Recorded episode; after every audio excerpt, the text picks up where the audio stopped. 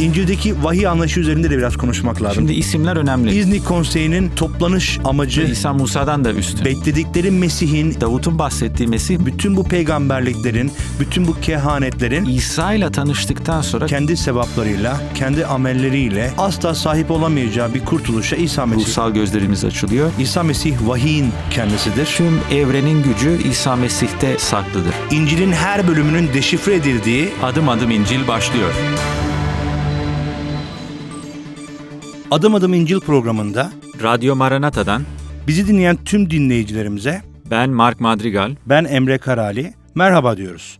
Bu program boyunca elimizden geldiğince, dilimiz döndüğünce sizlere kutsal kitabın yeni antlaşma bölümleri, bilinen ismiyle İncil'in her bölümünü ele alacağız. Açıklamaya, sıkça sorulan soruları yanıtlamaya çalışacağız. Soru ve görüşlerinizi sosyal medya hesaplarından et Radyo Maranata yazarak ya da www.radyomaranata.com web sitesinden mail yoluyla bize ulaşabilirsiniz diyoruz ve bugünkü programımıza başlıyoruz. Evet yani programımız aslında birazcık daha esnek. Ee, diğer program formatlarına göre birazcık daha farklı. Bu programda daha sohbet şeklinde özellikle kiliselerimize gelen insanların günlük e, yaşam içerisindeki bizde yaptığı sohbetlerden e, duyduğumuz sorulara elimizden geldiğince yanıt vermeye çalışacağız. E, şöyle yapalım Mark yani bu programa başlarken belki önce İncil'in geneliyle ilgili bir açılış yapabiliriz. Ee, böylece dinleyicilerimiz genel bir fikre sahip olabilirler. Sonra her bölümü tek tek inceleyeceğiz diğer programlarımda. Ne dersin? Bence güzel fikir. Belki aslında İncil ne demektir? Ee, bu soruyla başlamamız lazım. Evet bir kitap ismi midir İncil? Ne demektir acaba İncil? Yani aslında İncil iyi haber demek. Ee, neyin iyi haberi? Kurtuluşun iyi haberi. Tabii iyi haberi bilmeden önce kötü haberi bilmemiz lazım. O kötü haber nedir? Yani Adem ve Havva'nın günahından ötürü bütün insanlık günaha esir ve e, günahın sonucunda ölümü tadıyor. Ama iyi haber nedir? Tanrı bizi bu halde günaha esir bir şekilde, ölüme mahkum bir şekilde bırakmak istemiyor. Bizi kurtarmak istiyor ve bunu nasıl yapacak? Bir kurtarıcıyla yapacak ve bu kurtarıcının ismi İsa Mesih'tir. Onun için bu iyi haberdir. İsa Mesih'in kendisi aslında müjdedir, iyi haberdir. İncil'in kendisi İsa Mesih'in kendisidir aslında. Bu nedenle e, İncil metinlerinin oluşumu ve yazılışı ile ilgili de konuşacağız üzerinde. Ama şunu söylemekte fayda görüyorum. E, İncil'i okurken sadece bunu bir kitap ismi olarak değerlendirmemek gerekiyor. Bu da önemli bir önemli bir konudur. İsa Mesih'in kendisi müjdenin kendisidir diyelim. Şimdi kaç bölümden oluşuyor İncil? Şimdi İncil 27 bölümden veya 27 yazında, yazıdan oluşuyor. Ee, bunun ilk e, dördü Matta, Markus, Luka ve Yuhanna e, halk dilinde İncil diye bunlar biliniyor aslında. Müjde evet müjde Ama bunlar- kitapçıkları. Evet yani Türkçe, e, Türkiye'deki e, Hristiyan e, cemaati aslında bunlara müjde demektedir. İncil dememektedir bu e, ilk dört müjde kitabına. Müjde kitapları evet. Evet. E, ondan sonra Elçilerin İşleri diye bir bölüm geliyor. Elçilerin İşleri bölümü e, İsa'nın göğe alınmasından sonra özellikle havarilerin yaptığı faaliyetlere odaklanıyor. İşte ilk kiliselerin kurulması, özellikle Anadolu'da ve Yunanistan'da ve İtalya'da kurulan kiliselere görüyoruz orada. Sonra 21 mektup var arkasından. Aynen Bu öyle. mektupların bir kısmı Pavlus'a ait, e, bir kısmının da farklı yazarları var.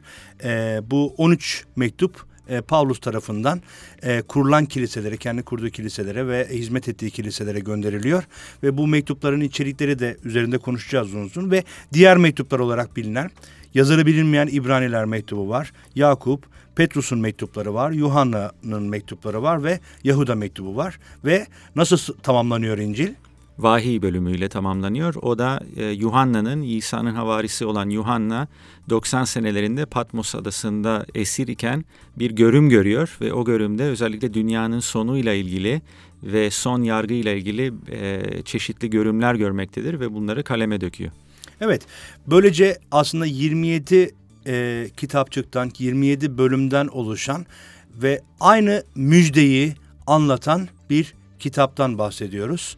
E, ve bütün bu e, yazılar, bütün bu e, sözler Tanrı sözü olarak önümüzde durmaktadır. Şimdi Tanrı sözü olarak önümüzde durmaktadır diyoruz ama e, tabii Türkiye'deki bir vahiy kavramı ile e, düşünülen vahiy kavramı ile bizim e, Hristiyan olarak baktığımız, e, anladığımız vahiy kavramı arasında farklılıklar var. Belki e, bu nedenle İncil'i kimin yazdığı ile ilgili de önemli bir soru karşımıza çıkıyor. Çünkü özellikle Türkiye'de yaygın görüş İsa Mesih'in bir peygamber oldu. Ve bir peygamber olarak Tanrı'dan duyduğu, Allah'tan duyduğu vahiyi e, işte yazmanlar aracıyla kaleme alınması şeklinde bir beklenti var. Fakat e, İsa'ya geldiğinde konu İsa olduğunda durum biraz farklılaşıyor. Çünkü İsa'nın kendisi aslında kelamında kendisini oluşturuyor. Evet aslında İslamiyet ile Hristiyanlık arasında vahiy konusunda büyük farklar var. Ee, İslamiyet'te peygamber Allah'tan doğrudan bir vahiy alır. Genellikle bir melek aracılığıyla ve çok pasif bir rol oynar. Bunları direkt duyduklarını kaleme alır. Evet, motomot bir motomot bir şekilde. şekilde yazar. Ama e, İncil'de durum farklı çünkü e, İsa Mesih bir peygamber değil. İsa Mesih tanrısal vahiyin beden almış hali. Dolayısıyla Yuhanna da mesela der ki e, başlangıçta kelam vardı. Kelam Tanrı ile birlikteydi ve kelam Tanrı'ydı. Ve daha sonra 14. ayette diyor ki kelam veya söz beden aldı ve aramızda yaşadı. Yani aslında e, İslami ilahiyatında hani Kur'an nasıl e, gökten inmiş tanrısal kelam olarak gör, e, görülüyorsa aslında Hristiyanlıkta bunun tam karşılığı İsa Mesih'in kendisidir. Kendisi Tanrı kelamının beden almış halidir.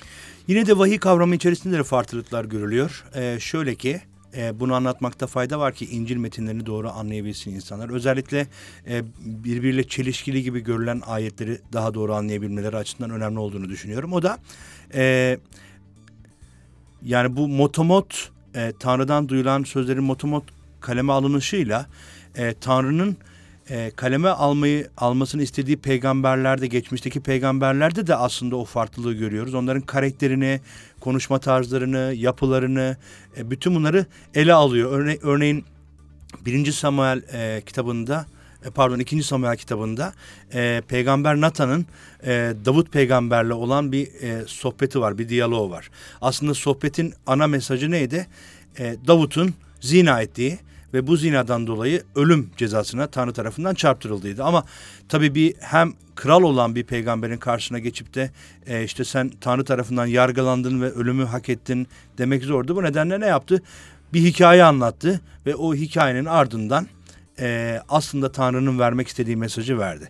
Bunun gibi Tanrı'nın İncil'de gördüğümüz, kutsal kitabın tamamında gördüğümüz, e, eski antlaşma ve yeni antlaşmada gördüğümüz e, vahiy kavramında da derin bir farklılık var. Dolayısıyla neticede Tanrı'nın sözünü insanlara iletiyorlar ama kendi karakterlerini, kendi tarzlarını da ortaya koyuyorlar. Evet belki İncil ile Kur'an-ı Kerim arasındaki en büyük fark e, İncil'i aslında biz bir külliye olarak düşünmemiz lazım. Çünkü her bir yazı aslında farklı bir kitleye, farklı bir dönemde, farklı ihtiyaçlardan dolayı farklı mesajlar, ana konular içermektedir. Dolayısıyla tek seferlik, e, tek bir kitleye, tek bir mesajla gönderilen yazılar değiller bunlar.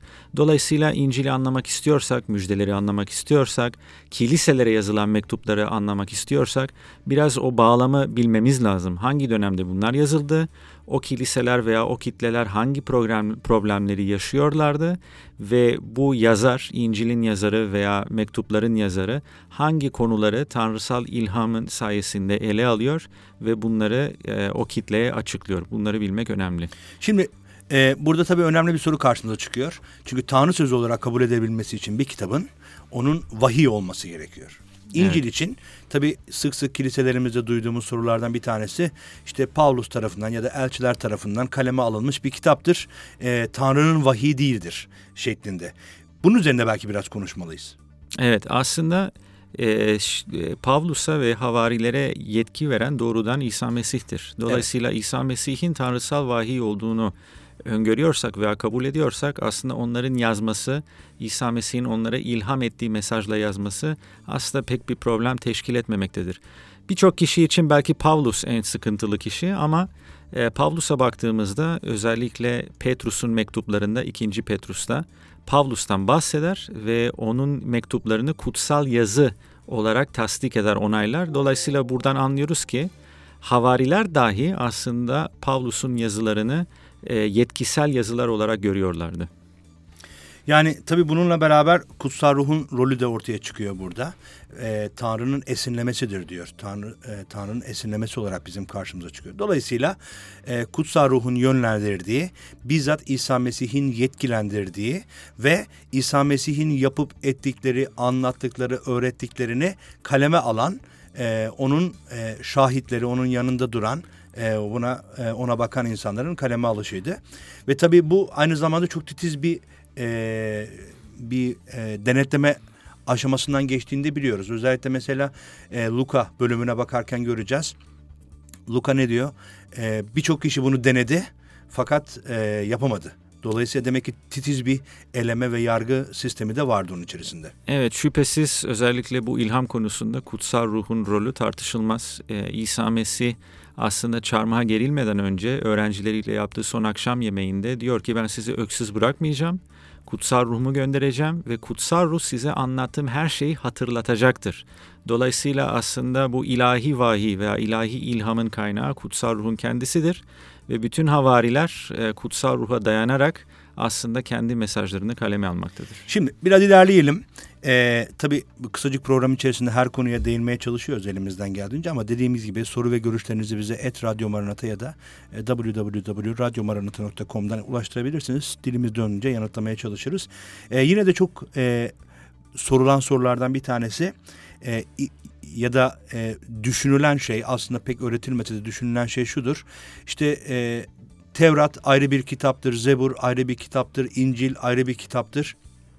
E, ben hatırlıyorum bizim ilkokul dönemimizden itibaren e, bu tip bilgiler e, bazen net olarak bazen sübliminal olarak bizlere veriliyordu. Sanki Tanrı denemiş bir peygamber aracılığıyla başarılı olamamış sonra bir daha denemiş başarılı olamamış ve sonunda bir daha denemiş başarılı olamamış ve sonunda başarılı olmuş gibi bir e, tablo ortaya çıkıyordu.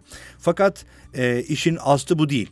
E, yani Tevrat, Zebur, İncil, peygamberlerin ve sözleri ve e, İncil tam bir bütünlük içerisinde aslında bir kitap olarak bunu değerlendiriyorsak tamamına tek bir kitap e, demeliyiz ya da tek bir sürecin anlatımı ifade edilişi diyebiliriz öyle değil mi? Evet bu konuda aslında İsa Mesih'in bir sözü bence çok kilit. O diyor ki ben yasayı ortadan kaldırmak için değil yasayı tamamlamak için geldim. Dolayısıyla ilk önce kendimize sormamız lazım.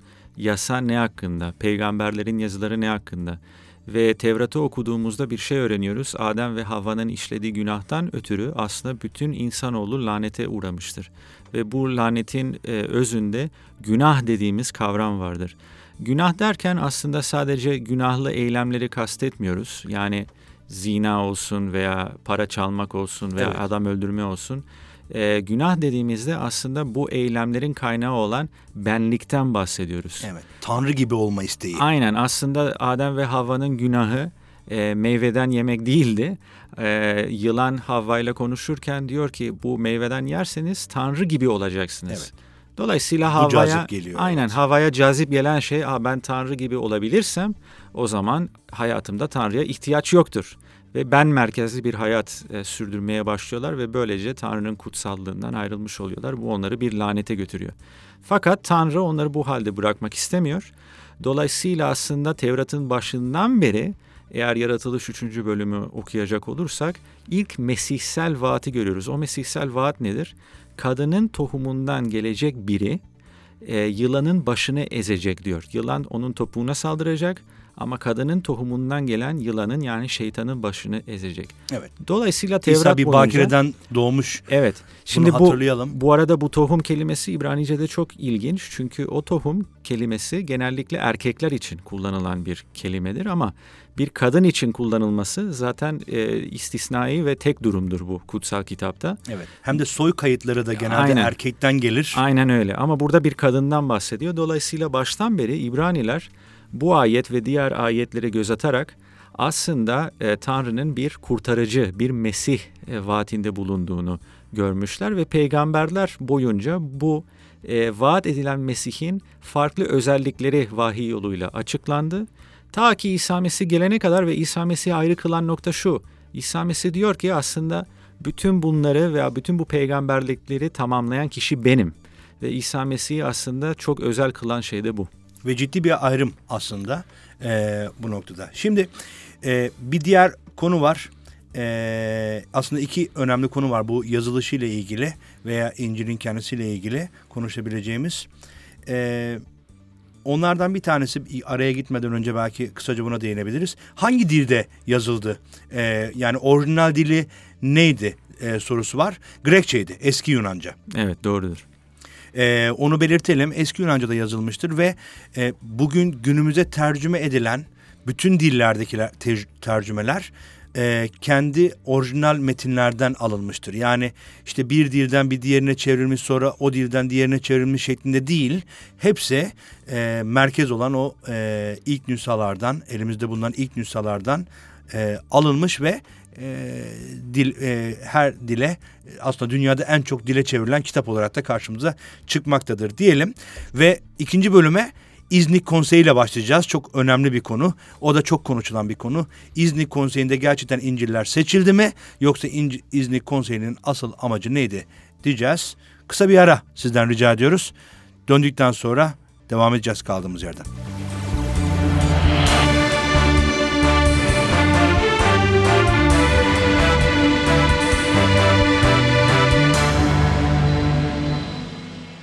Değerli dinleyicilerimiz aradan sonra tekrar beraberiz. E, aradan önce aslında İncil'in özgün dili Grekçe hakkında bahsediyorduk.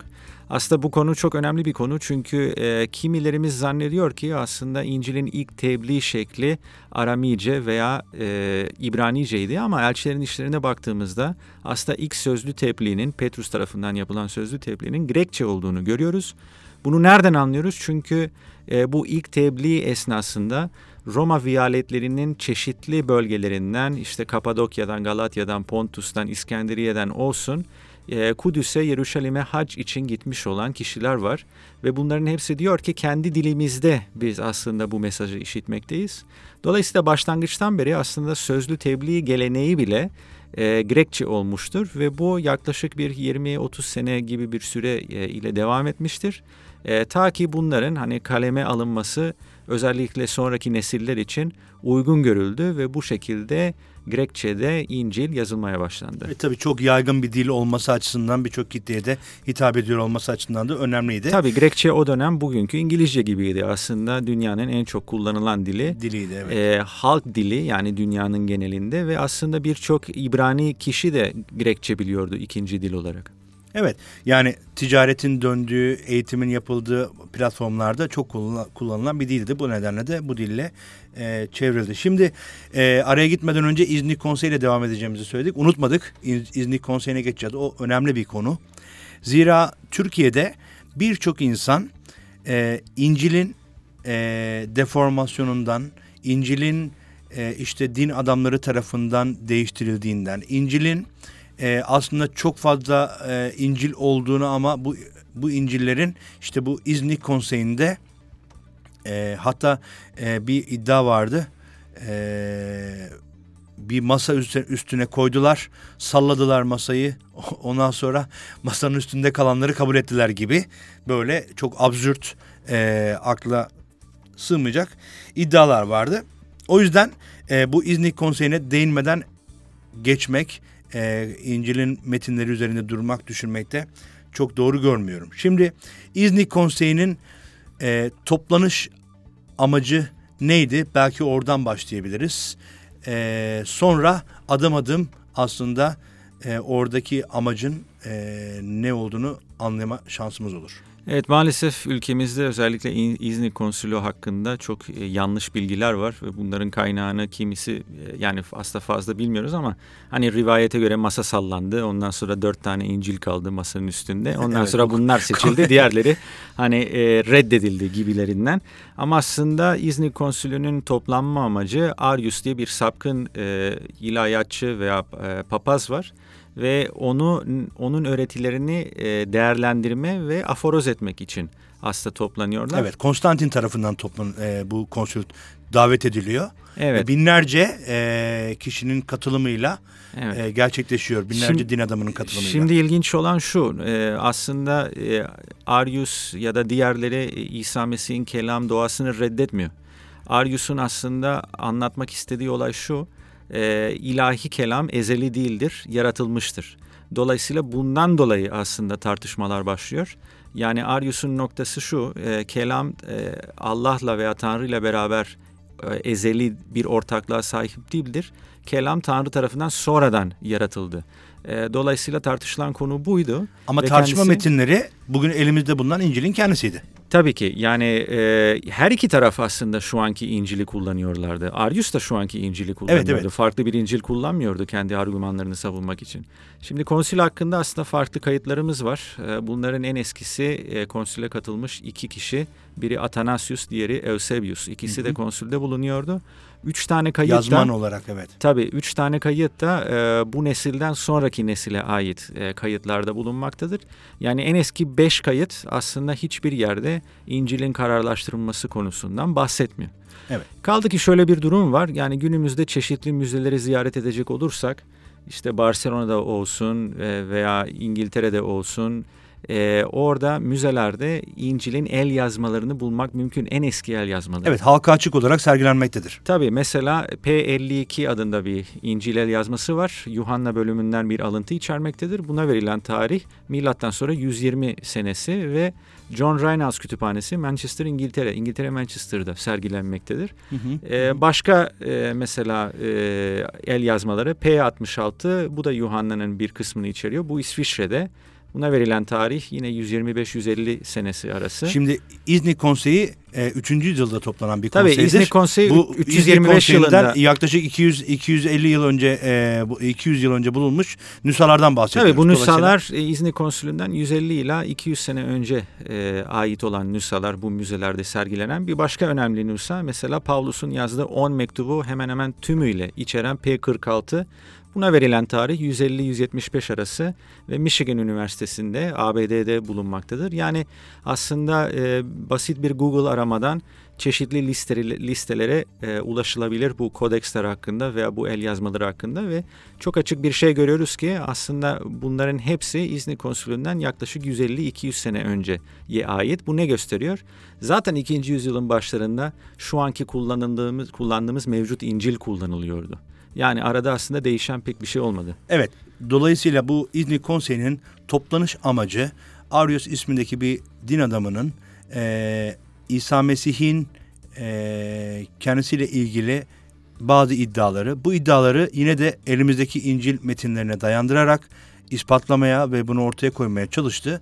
Zaten İznik Konseyi bittikten sonra bir inanç açıklaması e, yapıldı. Yani konseyin e, verdiği karar bir inanç açıklaması olarak ortaya çıktı ve o inanç açıklaması içerisinde baktığımızda İncil metinleriyle ilgili herhangi bir ifade yoktur. O da çok basit bir Google aramasıyla İznik Konseyi'nin e, sonuçları üzerinde bakılabilir. Ve orada özellikle de İsa'nın tanrılığı üzerinde ve onun o kimliği üzerinde de duruluyor. Şimdi tabii e, burada belki çeşitli izleyicilerimizin bir itirazı olabilir. Mesela kimi diyecekse işte Barnaba İncil'inden bahsetmediniz. işte Thomas İncil'inden bahsetmediniz vesaire Bahsederiz, gibi. bahsederiz onlardan da. Bahsedebiliriz tabii ama şimdi neden e, bu İncil'leri okumuyoruz veya hakiki olarak kabul etmiyoruz? Aslında bunun çok basit bir açıklaması var. E, bir keresinde e, bir uçuşa e, yetişmem lazımdı. Taksiye bindim. Sabiha Gökçen Havalimanı'na gidiyordum. Taksiden indim, parayı verdim, para üstünü aldım. Havalimanındayken o 10 liralık para üstünü bir büfede kullanmak istedim. Bir baktım ki e, e, kazık yedim yani. Sahte miymiş para? Sahte bir 10 lira verdi bana taksici. Sonra fark ettim ki gerçekten sahte. Neden? İşte bandı yok. İşte bu Atatürk yansıması e, filan yok. Yani- Dikkatli bakmayınca Tabii yani çeşitli izler vardır değil mi o banknotta hani bunun hakiki olup olmadığını bize açıklayan. Yani dolayısıyla bu yazılarla aynı şey diyebiliriz. Mesela çok mest edilen Barnaba İncil'i aslında orta çağlarda yazılmış bir İncil. Evet. Yani dolayısıyla bunun hakiki olması olanaksız. Çünkü havarilerin yaşamadığı bir dönem bin sene sonrasına e, kaleme alınmış. O Türkiye'de çok olan bir şey. Özellikle gazeteler, e, basın e, işte bir İncil bulundu, e, gerçek İncil bulundu gibi haberler yapıyorlar. E, tabii yani e, bir arkeolojik kazıda bir, bir şey bulunuyor bununla ilgili. Evet aslında bir kitap buldular ama bu kitaba... Bunun ne olduğu üzerinde sonradan haber yapılmıyor. Evet. Evet bu kitaba çeşitli tarihler veriliyor. Kimi 7. yüzyıl diyor, kimi 8. yüzyıl diyor. Aslında sorun başlı başına kitap olması. Çünkü İncil'in yazıldığı dönemde kitap diye bir şey yok. Henüz kitaplar icat edilmedi. Bunlar e, bireysel tomar olarak mevcut ve bu tomarlar e, kiliseden kiliseye dolaşıyor veya kişiden kişiye dolaşıyor. Evet, ciltlenmiş bir kitap şeklinde. Ta ki 3. yüzyılda bu kodeks dediğimiz yani bu tomar damarların e, ciltlenmesi başlıyor ve 4. yüzyıldan itibaren kitap diye bir şey ortaya çıkıyor. E, dolayısıyla aslında kitaplar İncil sağ olsun ortaya çıktı. O da başka bir dipnot tabii. evet. Ama zaten böyle bir kitap, resimli kitap göstermeleri, bunu hakiki İncil olarak e, yansıtmaları veya lanse etmeleri başlı başına bir hata. Çünkü İncil'in yazıldığı dönemde kitap dahi bir şey yoktu yani. Tabii aynı zamanda örneğin Barnabas İncil'ini okuduğunuz zamanlarda e, bir takım e, orada bahsi geçen yerler, e, konumlar, e, durumlarda tarihi e, kaynaklarla ört, örtüşmediği de açık ve net bir şekilde ortaya konuyor. Yani aslında problem şudur Türkiye'de işte gazeteler gerçek İncil bulunduğu haberleri yapıyorlar. Barnabas İncil'i bulundu, gerçek İncil bulunduğu e, haberleri yapıyorlar. E, tabii bir şey bulunuyor. Sonra tarihçiler, arkeologlar bunun araştırmalarını yapıyorlar ve e, o bulgular yeniden yayınlanmıyor. Yayınlanmayınca insanların aklında otomatik olarak kalan şey ah buldular saklıyorlar şimdi gibi bir tuhaf bir e, durum ortaya çıkıyor ama aslında durum öyle değil. E, bunun dışında bir de apokrif metinler dediğimiz var. Hani bu e, Thomas İncil'i veya Yahuda İncil'i evet. veya Mecdelli Meryem İncil'i. Kimisi düşünüyor ki yani aslında hakiki İncil'ler bunlar ama tekrar aynı sınavdan başarısız çıkıyorlar. Çünkü bunlar da 2. 3. yüzyılda yazılmış metinler e, havarisel yetki taşımıyorlar. Yani havariler tarafından yazılmadı. E, ve aslında öğretilerine baktığımızda aslında İsa'nın öğretileriyle uzaktan yakından hiçbir ilgileri yok. Çoğu Gnostikçi akımın ürünleri. Nostikçiler Tanrı'nın aslında kötü bir varlık olduğunu, fiziki dünya yarattığı için Tanrı'yı kötü bir varlık olarak görüyorlardı. Yani eğer ki bu İncil'leri biz hakiki olarak kabul ediyorsak o zaman Tanrı'nın da bir canavar olduğunu kabul etmemiz lazım. Ki o söz konusu olamaz. Bu o da söz konusu olamaz. Ee, zaten çok ezoterik öğretilere sahiptir. Thomas İncil'inin son ayetleri ilginç bir diyaloğa e, e, ilginç bir diyalog bulunduruyor. E, Petrus ve İsa aralarında konuşuyor e, ve Petrus Mecdelli Meryem'e işaret ederek İsa'ya şunu soruyor. Ona ne olacak diye ve İsa Mesih şöyle karşılık veriyor. Kadınlar erkeğe dönüşmeden göklerin egemenliğine giremezler. Yani böyle ezoterik, İncil'le uzaktan yakından hiçbir ilgisi olmayan öğretiler içermektedirler. Kaldı ki çok geç bir dönemde yazılmıştır. Ve aynı zamanda şu da bir gerçektir. Biz e, bir metnin e, gerçekten Tanrı sözünün ol, olduğunu nasıl kabul edebiliriz? E, birincisi Tanrı sözü e, kendi içerisinde bir çelişki oluşturmaz. Tanrı insan değil ki e, fikrini değiştirsin. Tanrı insan değil ki e, bakış açısını değiştirsin. Dolayısıyla dün, bugün ve sonsuza dek aynı olan Tanrıysa o halde e, bize olan yaklaşımları da e, onun ifadeleri de öyle olacaktır. Bu nedenle bugün elimizde bulunan İncil'in doğruluğunu anlayabilmemizin bir diğer yolu kutsal kitabın diğer bütün metinleriyle tam bir uyum ve e, birlik içerisinde olması da diyebiliriz. Diyelim e, o yüzden bu e, kutsal kitabın içerisinde eski ve yeni antlaşma olarak nitelendirdiğimiz kitabı mukaddesin içerisinde birbiriyle çelişen herhangi bir durum ve olgu yoktur. Şimdi bu güvenilirliği konusunda da aslında biraz konuştuk. Ee, biraz bahsettin e, az önce. Yani müzelerde işte arkeologların, tarihçilerin e, bulguları net bir şekilde elimizdedir. E, o nedenle biz güvenebilir miyiz bu kitabın gerçekten Tanrı sözü olduğuna? Şimdi şöyle bir ilginç e, veri vereyim size. E, antik dokümanlar arasında İncil e, günümüze ulaşan en fazla nüsa bulunduran dokümandır. 5000'i aşan nüsa var İncil ile ilgili. E, mesela e, Yunan filozoflarının veya Roma döneminde yazılan eserlerin nüshalarına yani günümüze ulaşan nüshalarına bakacak olursak sayı çok çok daha az. Kaldı ki şöyle ilginç bir durum da var. Ee, mesela Homeros'un İlyadası'nı hepsini, he, hepimiz duymuşuzdur. Evet. Homeros'un İlyadası yani orada bahsedilen e, olaylar e, milattan önce 11. 12. yüzyıla ait. Homeros bunu e, milattan önce e, 5. yüzyılda e, yazıyor. E, pardon 8. yüzyılda yazıyor ama en eski nüshası milattan önce 4. 4. yüzyıla ait. Yani aradan neredeyse bin sene geçmiş. Ama hiç kimse Homeros'un hani İlyada'yı yazmadı diye e, şeyde bulunuyor, tenkitte bulunmuyor. E, ama nedense İncil e, konu oldu mu hemen bir çifte standart söz konusu. Aslında İncil e, ilk tebliğ edilişiyle ilk yazı tarihi arasında belki 20 sene, 30 sene bilmediğimiz 30 sene vardır. Hı hı. Ve en eski nüshasına kadar belki bir 30-40 sene daha var. E, dolayısıyla çok daha e, küçük rakamlardan bahsediyoruz e, çok daha büyük sayıda rakamlardan bahsediyoruz nüsha olarak. Bu ne demek oluyor? Aslında çok daha güvenilir bir belge. Elçiler, havariler e, bunun bir şekilde takipçisi ve e, izleyicisi oldu.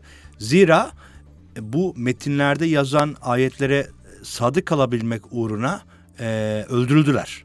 Dolayısıyla hani sadece e, bir e, yalanın arkasında birçok şey yapabilir insanlar ama ölümü göze almak, e, reddedilmeyi göze almak bu başka bir e, konudur. Dolayısıyla güvenilir metinlerdir e, İncil nüshaları. Şimdi, Tabii ve yani aslında e, günümüzde eğer hala bununla ilgili kuşku duyanlar varsa dediğim gibi bu orijinal nüshalarının e, dillerini, Grekçe olan dillerini e, günümüzdeki İncil ile karşılaştırabilirler. Hani bir fark o var mı yok mu bir şey eksiltildi mi eksiltilmedi mi e, gönül rahatlığıyla araştırabilirler, araştırabilirler, görebilirler. Evet.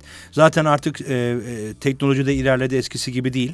E, dil bilmeye de gerek yok artık. Dolayısıyla birçok çeviri e, aparatı var internet içerisinde ve buradan rahat rahat buna bakabilirler. Peki şimdi tabii bize ayrılan sürenin sonuna geldik. Yarım saat içerisinde olabildiğince e, İncil'in e, e, nasıl yazıldı ve e, asıl da onun içeriğinin ne olduğu üzerinde konuştuk. Aynı zamanda tabii e, sıkça karşılaştığımız sorulara da yanıt vermeye gayret ettik. Şöyle bitirmek istiyorum iznin olursa. E, yeni antlaşmanın genel mesajı ki bugünkü bir giriş niteliğindeydi bu program. Yeni antlaşmanın genel mesajı çok net bir şekilde İsa Mesih'in kendisidir. İsa Mesih'in yapıp ettikleri, İsa Mesih'in söylemleri, İsa Mesih'in yaşam biçimi, İsa Mesih'in düşünme tarzı, İsa Mesih'in çarmıh üzerinde gerçekleştirdiği olağanüstü iştir.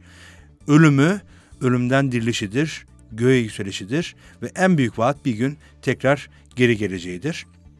Önümüzdeki programlarda tek tek bu kitapları incelerken bu konulara daha da fazla değineceğiz. O yüzden İncil bir kitap ismi değildir. Müjde İsa Mesih'in kendisidir diyelim eklemek istediğim bir şey varsa alayım. Yavaş yavaş sonuna geldik programımızın. Evet bence bu güzel bir özet aslında.